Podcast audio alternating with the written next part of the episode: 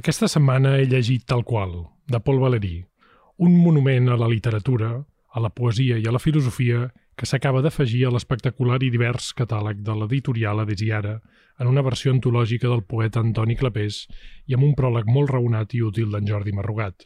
A principis dels anys 40 del segle passat, Valeri va publicar dos volums que contenien una sèrie de quaderns on havia barrinat temes molt diversos i que despleguen amb una potència esclatant la intel·ligència d'un home inquietíssim, incansable, prodigiós. Abans que res, una advertència. Tal qual no és un llibre per devorar, ni per entretenir-se.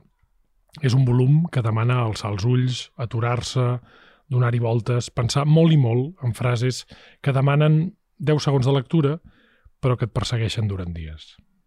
De fet, tal qual és més que un llibre, si entenem amb Valéry, i cito textualment, que un llibre tan sols és un extracte del monòleg del seu autor.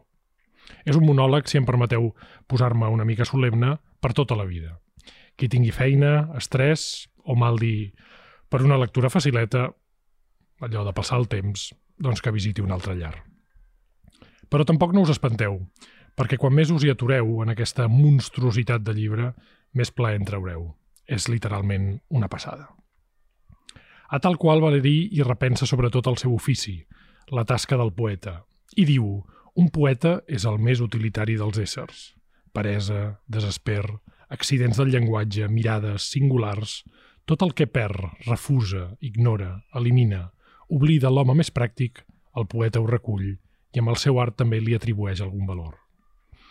El poeta va recol·lectar la brossa del món i Valéry s'hi endinsa per trobar el misteri i la naturalesa del poema, aquell fragment de literatura on, diu l'autor, s'organitza tot el possible del llenguatge.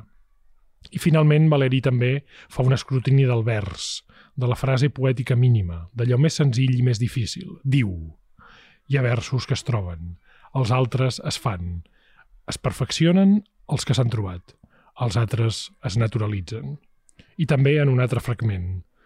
Dues classes de versos, els versos donats i els versos calculats. Els versos calculats són els que es presenten necessàriament sota la forma de problemes per resoldre i que tenen per condicions inicials, en primer lloc, els versos donats, i després la rima, la sintaxi i el sentit ja compromesos per aquestes dades.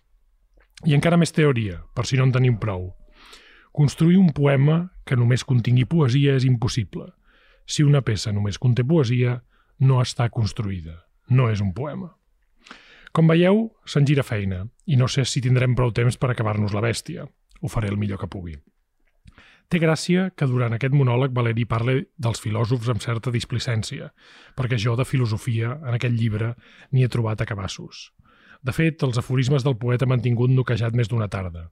Us en regalo uns quants, que l'illa de Mayans, ja ho sabeu, és un servei públic pels seus oients gratuït i molt més important que les ajudes dels autònoms o les UCIs que ens salven la padrinada.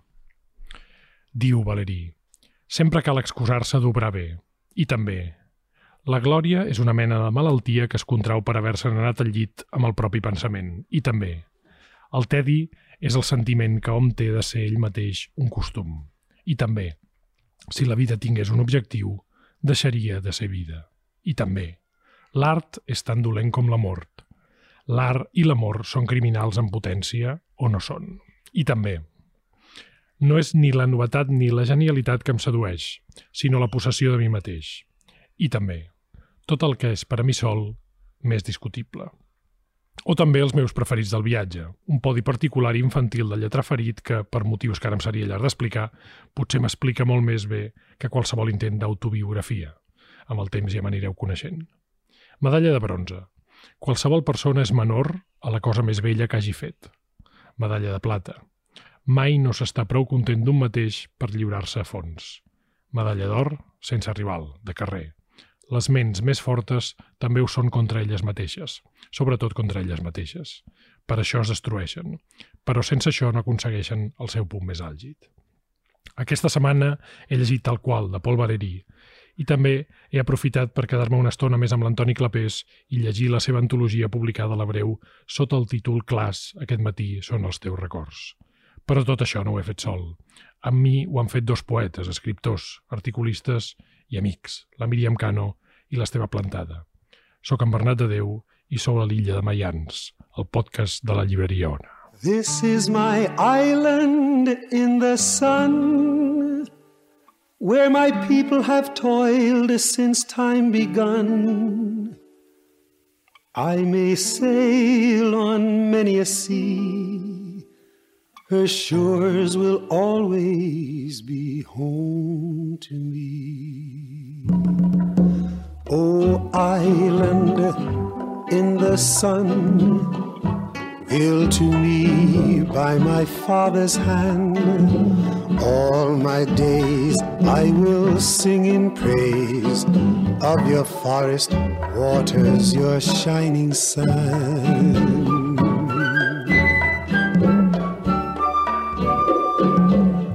Què tal, Toni Clapés, com estàs? Bé, bé. Moltes gràcies per, per visitar la, la nostra illa i et felicito perquè em sembla que el tal qual ha arribat a la segona edició Sí, sí, és increïble, però sí. i també per, per aquesta feinada. I saludo primer també a la, a la Míriam. Què tal, Míriam, com estàs? Hola, què tal? I a l'Esteve. Què tal, amic? Molt bé.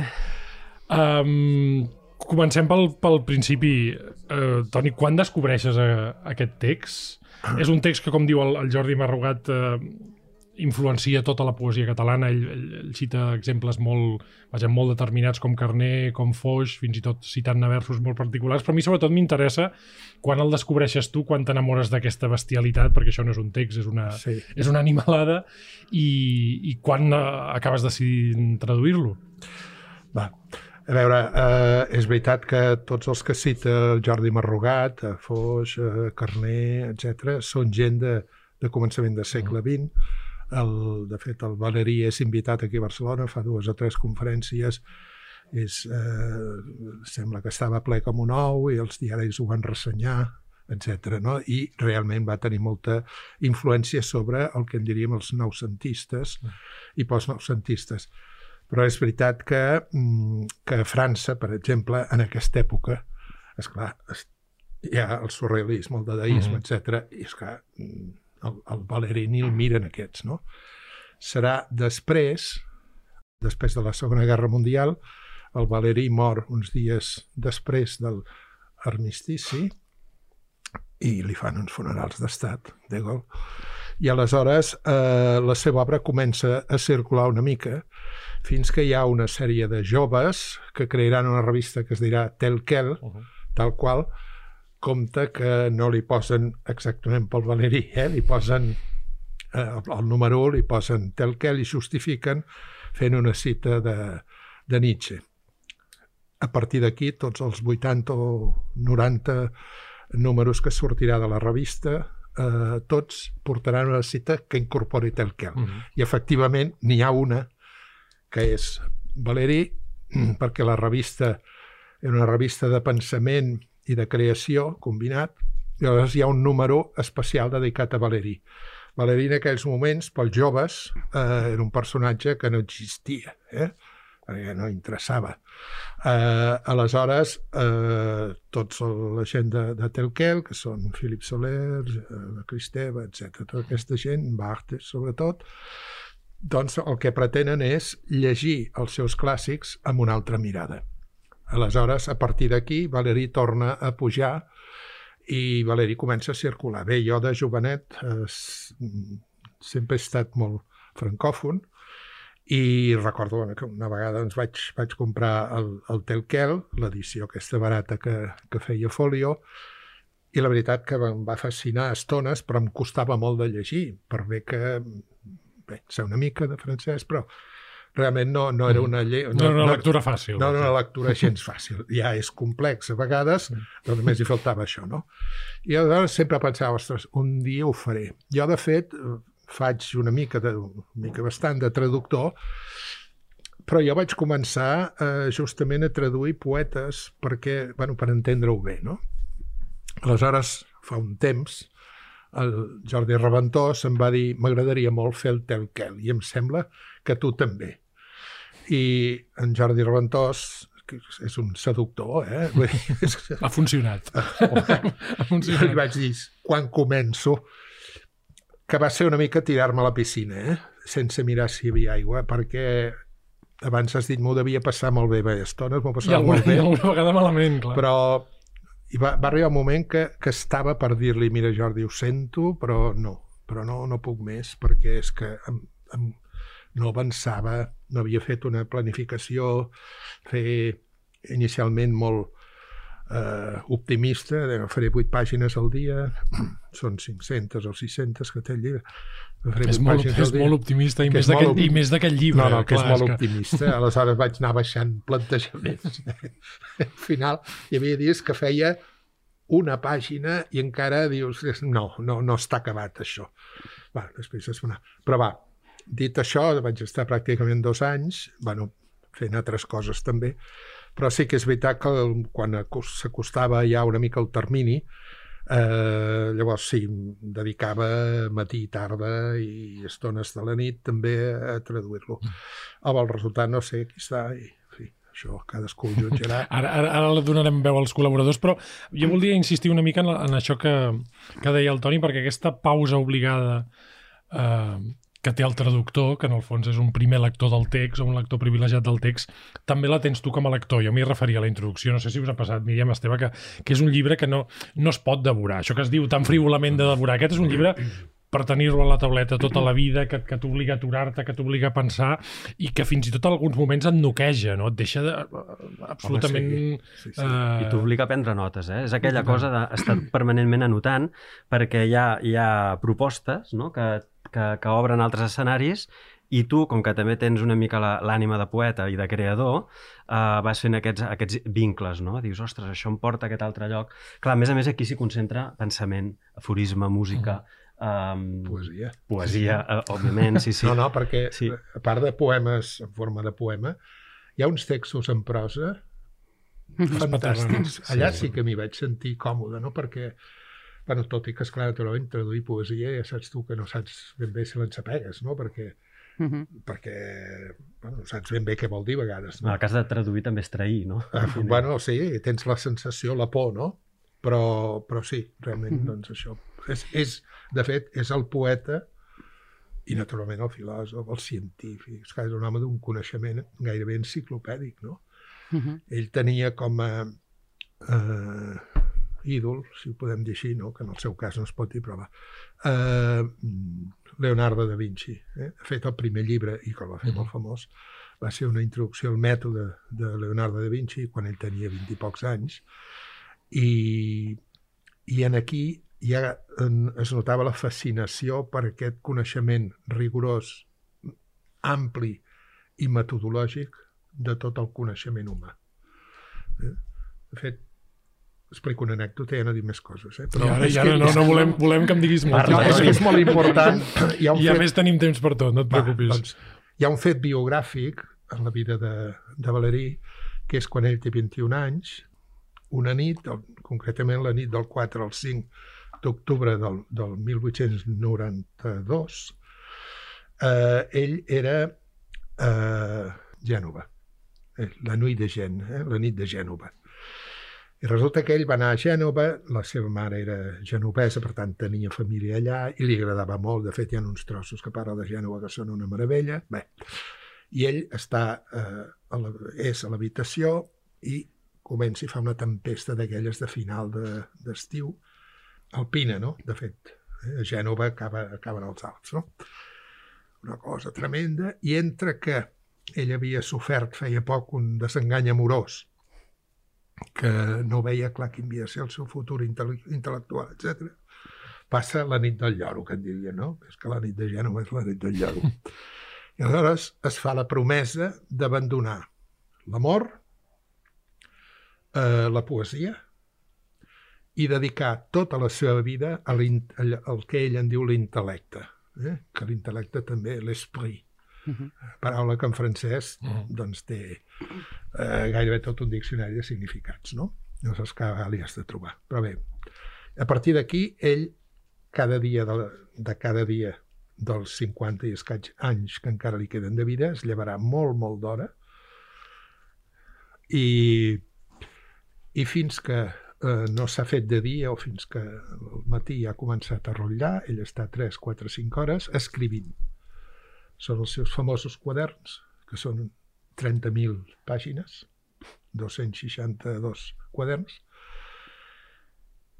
que és com una mena d'ultra super magatzem d'on de tant en tant ell farà petites extraccions i seran aquests petits llibres que acabaran fent eh, el, el, el, el, el, el tal qual, no? Però l'important és veure eh, tota aquest, aquesta obra extraordinària que és eh, els quaderns, que bé, jo n'he llegit trossos, eh, hi ha extractes, i clar, és una cosa que, és que no es pot aguantar. No es pot, no, no es pot assimilar. Míriam, que no t'havíem sentit, que abans, Ah, abans no, no, volies no. parlar. Uh, jo el que, el, uh, una mica arran del que deia l'Esteve, uh, aquesta cosa de prendre notes i tot plegat, jo penso que aquesta cruesa i aquesta, aquest ull crític amb què Valeri parla sobre l'ofici de d'escriptor o, o la, la mirada de poeta, no? perquè és un llibre que, que constantment està uh, analitzant la, la llengua i l'escriptura, però sobretot la manera de mirar i, i, de, i de pair el món. No? I penso que com a, com a escriptor et posa en un lloc molt difícil a vegades, no? de reconèixer eh, certes debilitats eh, de l'ànima. No? I és una cosa que a mi eh, m'ha semblat molt interessant i com deien en Bernat és un d'aquells llibres per tenir molt a prop Uh -huh. i anar-t'hi És un llibre de consulta, que confrontant, diríem, fil, acom- eh, bueno, t'acompanya, et no? Confronta... Un diccionari, uh, és com, sí, com sí. un diccionari que puguis anar... A més a més, és, és, una, és un qüestionament, jo suposo que com a poetes ho heu viscut més d'una manera més, vaja, pràcticament en carn, que és, que és un qüestionament content, continu de l'ofici. Sí. I ell parla moltes vegades, a mi per això m'han interessat aquestes... Jo tampoc vull que els, que els nostres oients pensin que aquest és un llibre difícil perquè és un llibre potser No, molt no, no. imbricat verbalment No. o amb unes disquisicions molt llargues. Al contrari, és molt difícil perquè t'atrapa d'una manera i et fa qüestionar les coses d'una manera que si ets, per dir-ho així, de l'ofici po- poètic encara deu ser més bèstia. És a dir, aquesta idea de primer, jo crec que és un obsés de la forma. Ell és, sempre diu, escolta, això de que la poesia és inspiració i que els versos, per dir-ho així, es pixen, res de res, hi ha, una, hi ha una estructura, hi ha una estructura que passa per la intel·ligència, i després aquesta idea tan curiosa dels versos trobats i dels versos calculats, és a dir, una persona molt conscient de que el que està fent és una gimnàstica eterna, no? És a dir, Valeri és com Sí. un esportista que, que entrena, ara ho deia el, el Toni molt bé, no? que, que es lleva ben d'hora, ben d'hora, i perdó per el, pel tòpic, però en vull- aquest cas ens serveix. Vull agafar el fil Digues, aquest. digues, agafa el fil, agafa el fil. No, perquè, de fet, ell defensa el treball formal, i això ho veiem molt aquí, i és com, ara ho has dit tu, ell és contrari de l'espontaneïtat, i, és, um, i, i també la, de la inspiració poètica, no? I, um, però vull agafar el fil del que deia abans el Toni, que m'ha semblat molt interessant, això dels quaderns, que, um, aquesta obra ingent, no? que malgrat tot aquí veiem a tal qual, no? no sempre fuig però del que és el diari íntim. I això és una cosa que a mi em fascina, no? perquè són anotacions, quaderns personals, pensaments, aforismes, que de fet jo crec que els aforismes n'hi ha que són uh, d'una exquisidesa, no? Una rotunditat, rotunditat brutal. Però dient això de la poesia, comentaves, Toni, que la- arrel d'aquesta anècdota, és que és molt curiós, no? El, el Valéry fa un, fa un Rambó, no? Deixa la, hi ha un moment en què deixa la poesia. Sí, I, no? I de fet el, el Jordi Marrugat en aquest pròleg magnífic també, aquesta introducció, ho explica, no? El Valéry no deixa mai de ser poeta, faci el que faci. Vull dir, és una imbricació amb tot el, els seus, en les seves potes, no? En el que és la, la vida, el pensament, quan és científic, quan parla de no sé què, sempre és poeta, no? és això que aquell, la nit aquesta famosa de Gènova que diu deixo, abandono la poesia, etc. Ell, de fet, vol dir abandono la poesia eh, postsimbolista que s'estava fe, que estava fent i, de fet, ell es fa deixeble fervent de Malarmé. Mhm. Eh? El, va, bueno, que el va conèixer encara un quant temps i sobretot d'André Gide, que són el, les dues persones que per ell són fonamentals. No? De fet, de fet, uns anys després, ell traurà un llibre que, de poemes que és La jove parca i més endavant treu eh, El cementiri marí. Mhm. El cementiri marí és, un, és, és la perfecció, la perfecció. O sigui, si tu agafes...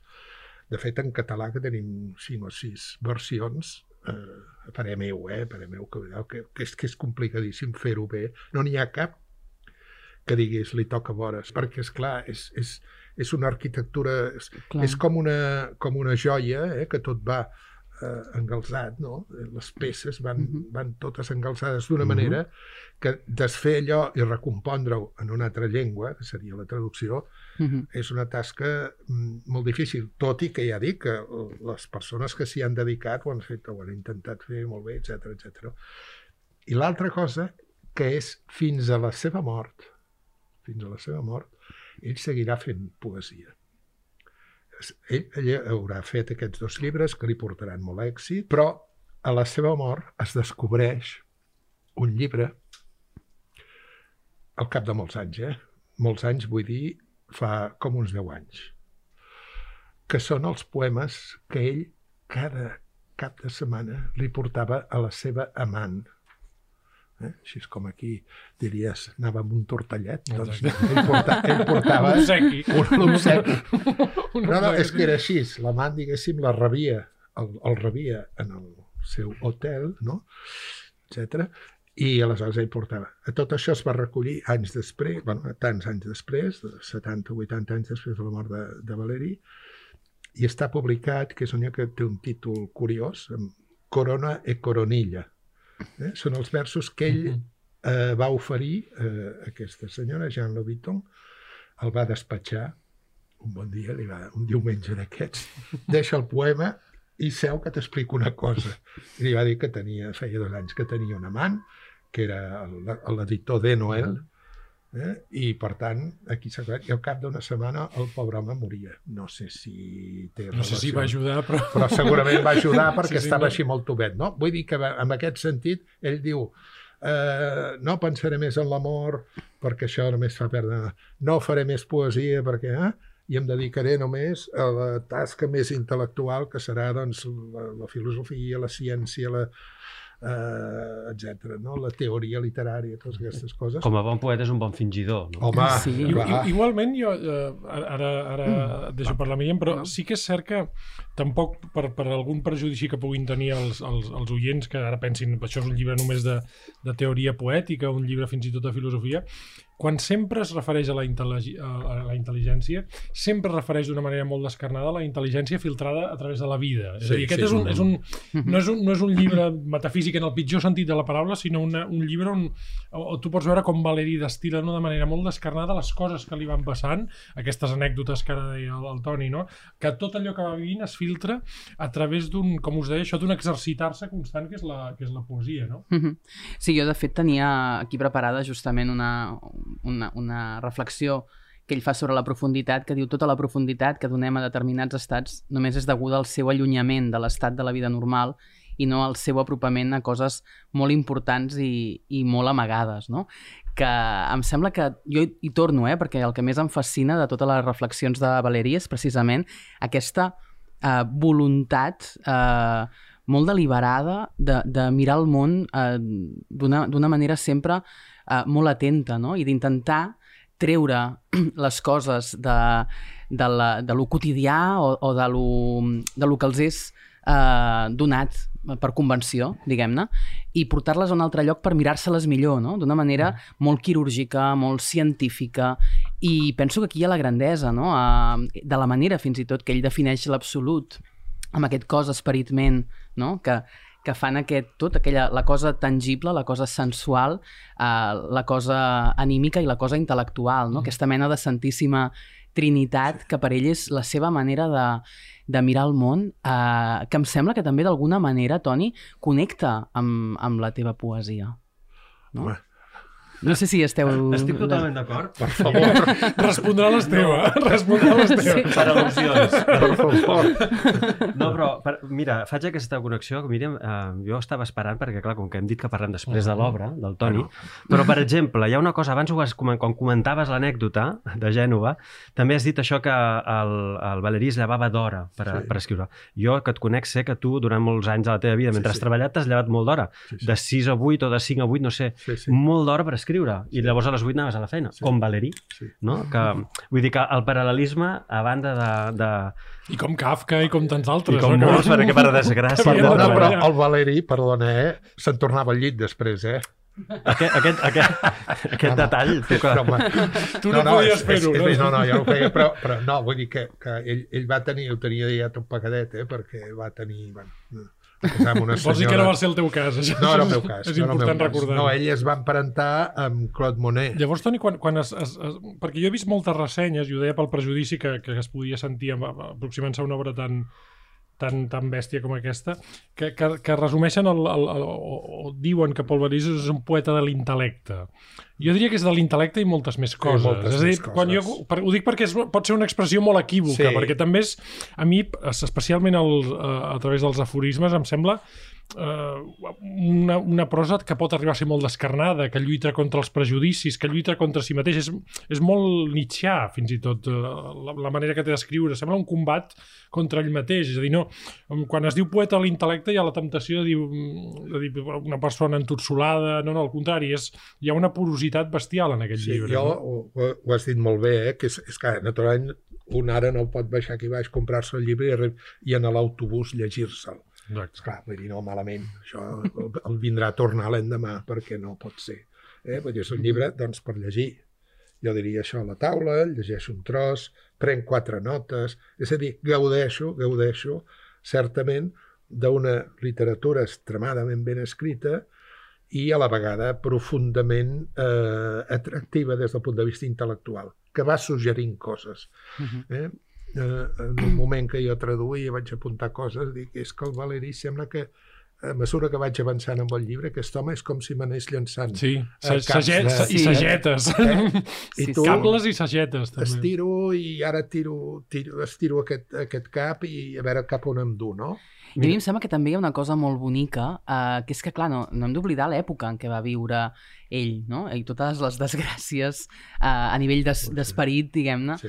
que, per les quals li va, li va tocar passar. I penso que en aquestes eh, reflexions també hi ha aquesta, aquesta voluntat no? de recuperar eh, aquesta idea de de- d'Europa, no? del, del, del pensament, de la, de la intel·lectualitat europea, que és una intel·lectual, jo penso, és una intel·lectualitat molt determinada, no? No és una intel·lectualitat eh, inaccessible, sinó una manera gairebé de capteniment, no? De- d'estar-se, eh, de ser al món. No? I, I penso que ell, eh, en aquests aforismes, en aquestes reflexions, vol recuperar mm, aquesta figura de, de l'intel·lectual europeu i, de, del pensament europeu que amb, amb tanta desfeta, tanta guerra i tantes crisis Sí, esclar, és que... es va erosionant, no? I, i és un, penso que és, també és un bon volum per, per entendre eh, totes aquestes reflexions des d'aquí. De, des va viure les dues guerres mundials i el parell entre guerres que va ser molt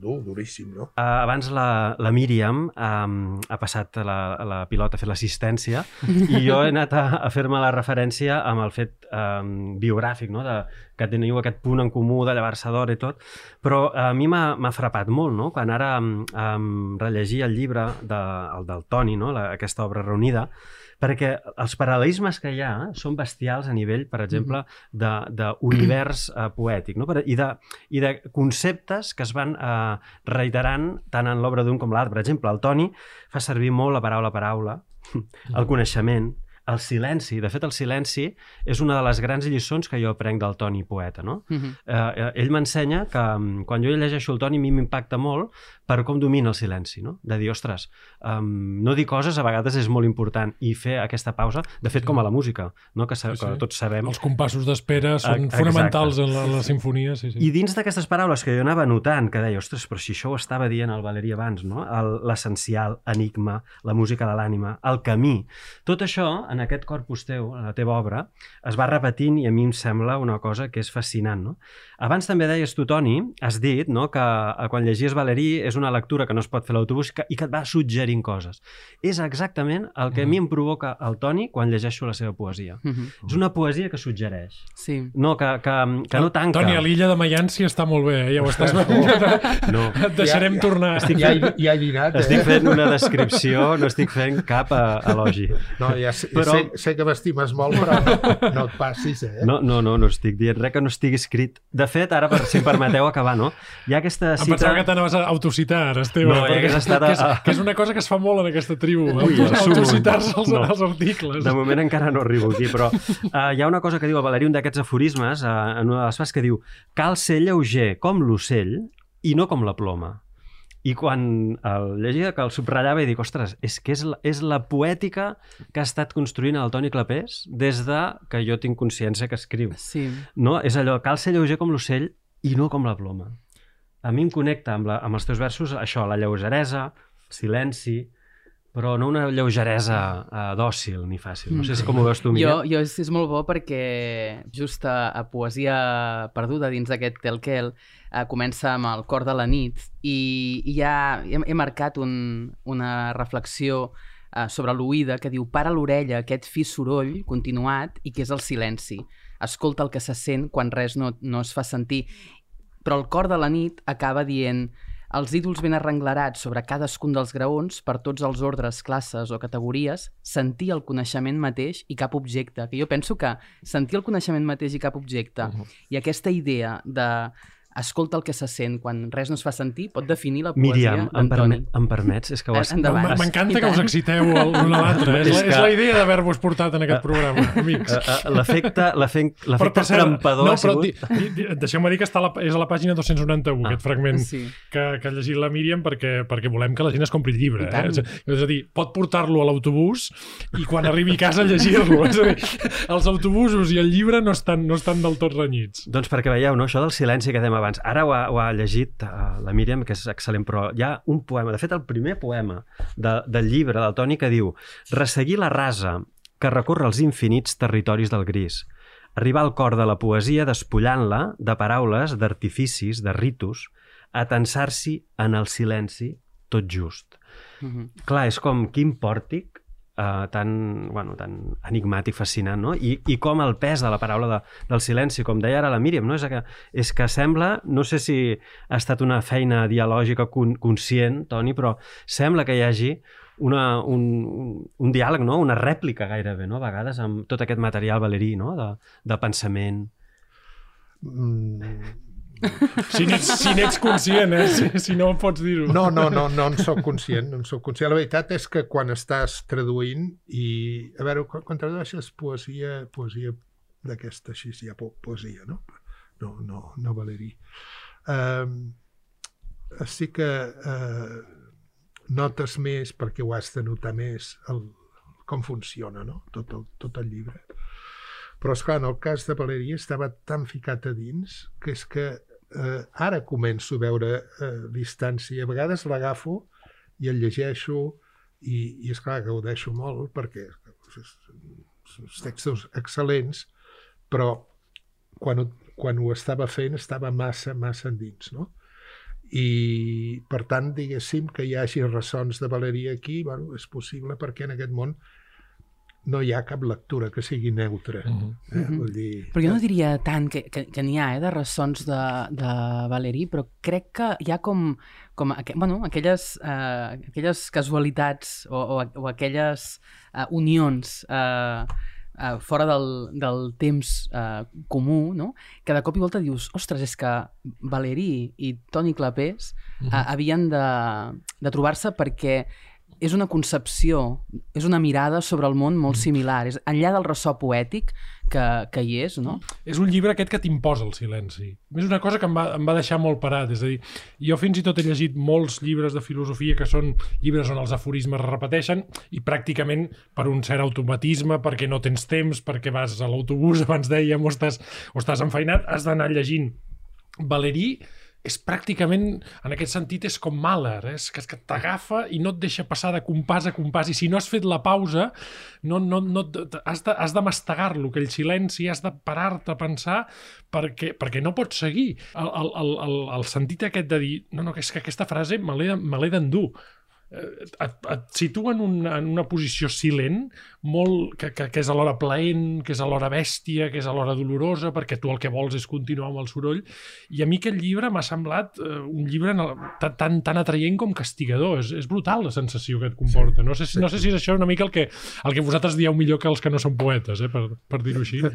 Si- Simon Weil, mm, que va dir centenars de coses meravelloses, també, una senyora que va escriure eh, vuit quaderns eh, importants, eh? vora 8.000 pàgines, també, déu nhi Va, doncs, va fer molt esment, sobretot al final de la seva obra, eh, a un terme que és l'atenció. La, l'atenció. No, no tensió, sinó atenció. L'atenció. Eh? I, I definir això, justament, l'atenció és, és, és silent perquè tot el teu cos i tota la teva ment ha d'estar ficada en allò que fas. És amatent, no? És, És aquesta amatent. sensació d'espera, no? Exactament. És la sensació d'espera que, que et vingui alguna cosa. I ell ho deia escrivint, eh? l'atenció, atenció a l'hora d'escriure. Eh? Aquesta, aquesta espera gratuïta, a vegades generosa sempre, que et vingui eh, exactament allò que vols dir. No? I és clar, mm, quan tu penses és que no s'obren ni comes aquí. Com Sí. s'ho feien. Com ho feien? és que, és clar s'ha de viure d'una manera molt especial. Eh, si entreu a la Biblioteca Nacional de França, eh, tenen els quaderns aquests eh, reproduïts, Digitalitzat. digi- digitalitzats i es poden veure. I és divertit perquè estones hi ha un dibuixet, eh? vull dir, bueno, és aquesta cosa també del dilatant, no? Mm -hmm. Tampoc és que estés tot el dia tensionat, eh, en fi, algun acudit, alguna coseta divertida. A mi em sembla, això que dius, Toni, és fonamental, no?, això del Valeri, perquè no només hi trobem el pensament en aquest llibre, sinó la capacitat d'observació del mateix pensament. Mhm. Totalment. I, si em permeteu, hi ha un fragment gairebé al final, de, a la pàgina 433, Així m'agrada que citis, Esteve, molt bé.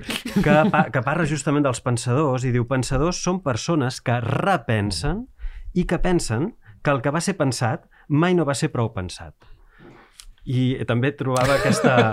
aquesta... Sí, sí, que el, pens que el pensament sempre és insuficient. Per això, per això hi, ha, hi ha aquesta també sensació que deia Nietzscheana, encara que sigui un, una, una cosa un pèl crònica, no? de, de la lluita constant. No? És a dir, jo, jo trobo eh, que és un llibre que també filtra el, el, el, el dolor de, de no, acabar-se d'entendre o d'haver-se d'entendre constantment. Per això sempre suposo que he triat aquests aforismes que a mi m'interessen eh, tant, no? això de tot, tot el que és per a mi sol més, eh, més discutible o aquest eh, que m'encanta tant, les ments més forces també ho són contra elles mateixes. Hi ha, hi ha una idea... Aquestes, aquest no sé, suposo que també el teniu, el teniu al vostre podi particular, Sí. perquè és, és la idea de, de que jugant en contra teva també vas a favor teu perquè no dones res per entès de tu mateix. Eh? ja, ja sé que manegem, estem manejant molt l'illa avui, però, però, però és una lluita que al final és tan bella i està tan ben, ben explicada que en la lectura fructifica d'una manera Sí, preciosa. sí. No? Jo, jo ja dic que ara, ara començo a gaudir-lo de debò, vull dir, perquè el tinc allà sobre la taula, naturalment. Això és com un I- par, no, Toni? Suposo, perquè clar, l'has Sí, sí, tingut a dins, l'has Sí, sí, l'esperit Ara- i, ara, ara- i ara ja te'l pots mirar, Sí, no? sí, dius, ara, ara el nen ja camina. O sigui, mira, eh? I ara li han sortit dents i aquestes Sí. coses. I sí, és allò, el vas agafant i vas, i, i vas pensant realment, uf, que fort, no? Volem, volem que la gent que, que, que ve, si pot ser a l'Ona, a comprar el tal qual, també compri la... i llegeixi, evidentment, eh? Uh, l'antologia del, Clap, del, del Toni Clapés, uh, clars aquest uh, matí són els teus records. Ens hem referit una mica, però m'agradaria que abans que acabem, perquè ens queden 5 o 6 minutets, tot i que tenim tot el temps del món, uh, però, però que parléssim una mica d'abans deies el, les coses que heu descobert vosaltres uh, personalment en la, sí. en la poesia. Primer et volia preguntar, només per, per entendre'ns, aquesta, aquesta obra reunida és una proposta de l'editorial, Toni, Sí, tenies sí. ganes tu de fer-la, has revisat molts poemes, t'ha costat, relle... perquè rellegir-se sempre No, és... no, no. Abans complicat. m'ho preguntava l'Esteve, no, no. Bueno, els editors, la Breu, eh, volien fer l'obra completa, diguéssim, però és clar que la meva, la meva obra completa és bastant voluminosa i aleshores vam quedar, mira, tu mateix agafes 5 o 6 llibres per fer un volum doncs, aproximadament d'aquestes 300 pàgines. A mi també em sembla bé perquè fer allò un, un volum de 1.000 pàgines personalment em sembla una falta de modèstia extraordinària. Em faria vergonya veure'l. Un patracol, que Sí, un tota la patracol, vida. no, no, eh? Jo això em sembla molt adequat. Si algú eh, llegeix això i li agrada, que busqui, que en trobarà més, etc. Són eh, sis llibres que estaven descatalogats i per tant era una ocasió per, per donar-los una, una, una nova vida. Eh? Eh, no, hi ha llibres anteriors i n'hi ha de posteriors. Posteriors tampoc no és que sigui fàcil de trobar però això passa, passa en la poesia. I m'agrada mm, el, el títol, que és una mica enrevessat, però eh, m'agrada perquè és un, un autor, Edmond Javé, que jo estimo molt, que he llegit bastant o, o així, i m'agrada aquesta idea de clars aquest matí són els teus records, no? Eh, és a dir, com si jo aquell matí eh, vaig agafar aquests llibres de versos que ja tenia i, i els vaig lliurar eh, eh, diguéssim en l'editor perquè eh, confegís aquest, aquest volum no? I, i naturalment, jo eh, els, els poemes estan pràcticament tal com eren, algun error, alguna coma, i en un dels llibres vaig tenir un poema perquè em va semblar que no sé què em va semblar, més que res perquè vaig pensar cony, fes alguna cosa saps? per justificar treu-ne un, va però jo quan els dono a l'editor doncs ja penso que estan prou per, bé. Per qui s'acosti per primera vegada a la, a la poesia de, del Toni Clapés, que, no dir, em surt dir que recomanaríeu que, que, o que advertiríeu com si fos un perill, però, però què, és, què és el que us suggereix aquesta... Ara que l'heu rellegit vosaltres també, Míriam Esteve, què, què hi veieu ja, què hi heu trobat, què us ha cridat més l'atenció? Jo, um, en, si, si hagués de parlar de la, de la poesia d'Antoni, em va tornar a, a passar quan el, quan el vaig rellegir, podria dir que a mi, com a poeta, la seva manera de mirar el món, sobretot la seva paciència, a l'hora de mirar el món i treure'n alguna cosa, a mi em va ajudar molt. Uh, em, em va canviar uh, la manera d'enfrontar-me a la poesia, no? I, I crec que és important, no, no és de franc uh, dir, dir això, no? Uh, és algú que, que com, com dèiem no? amb, amb Valéry, mm -hmm. es mira el món amb, amb molta paciència i, i a més a més fuig penso, no sé si estaràs d'acord amb mi, Esteve, de, dels temes més clàssics, no? de, de la poesia. Antoni mm-hmm. mira uh, el paisatge. No? Uh, jo, jo he trobat pocs poetes que sàpiguen parlar amb tanta pulcritud i traspassant uh, d'una manera tan precisa el paisatge a l'ànima com Antoni Clapés. Sí, um, jo què faria si, per recomanar algú, no? Com entraria jo? El primer que recomanaria és que entressin amb aquesta voluntat de deixar-se aportar, no? De, d'entrar de, com en, a, en, a, en aquest llindar infranquejable, no? que és uh -huh. l'obra d'un autor en la qual tu hauràs de, de xifrar l'enigma, no? d'entrar de, en aquest silenci també. És, és bestial això del silenci, ho, ho remarco, abans ho deia, no? però no sé si podria algú comptar quants silencis hi ha la paraula, no? perquè és com una d'aquestes constants. Jo sí que el que voldria destacar no, de, del Toni, jo per mi és, un, és una... Jo penso que aquest llibre, aquest en concret, és un llibre important, ara mateix. És un llibre important perquè ens situa també la mesura d'un poeta que sempre ha anat amb un itinerari a contracorrent i que eh, no ha defallit mai en la defensa d'una veu que era molt singular. Sí.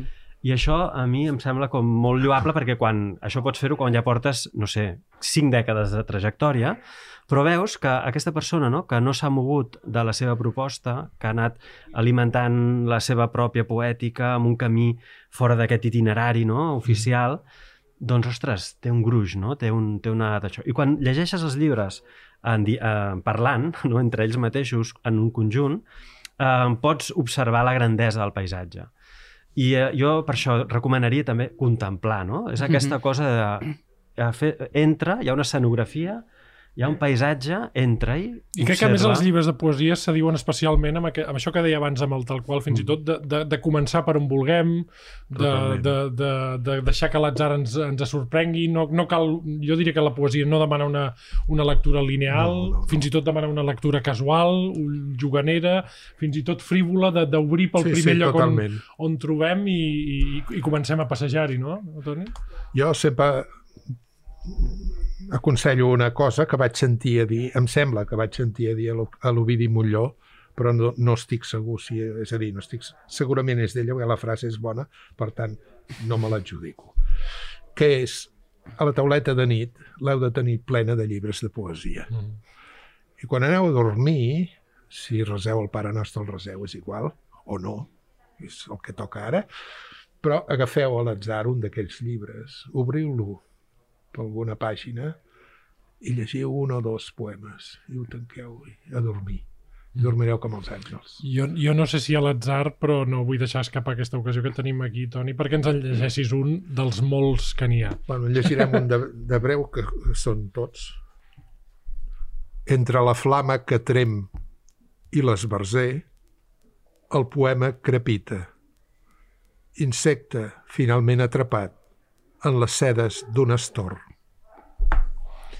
Doncs caram, uh, per acabar també no només amb la poesia sinó amb, amb una mica de música uh, no sense agrair a l'Esteve i la Míriam tot el que ens han dit, que ens, ha, que ens ha semblat molt útil, demanem, ara em refereixo més al, al tal qual, que és el llibre amb el qual hem començat sempre demanem als nostres convidats, Toni, que ens diguin alguna música que els hi suggereix aquest llibre, ja fos perquè sigui una música que tu escoltessis mentre el traduïa, ja sigui perquè aquest és un llibre que suposo que et porta a moltes músiques, a moltes poesies, sí. a, a una cançó que, que, ens, que ens diguis eh, si se t'acut alguna, alguna idea, eh, la, la posarem per acabar el programa. Bé, jo per època i per posaria alguna cosa de Debussy, no? Fantàstic. Perquè em sembla que seria el que, el que lliga més.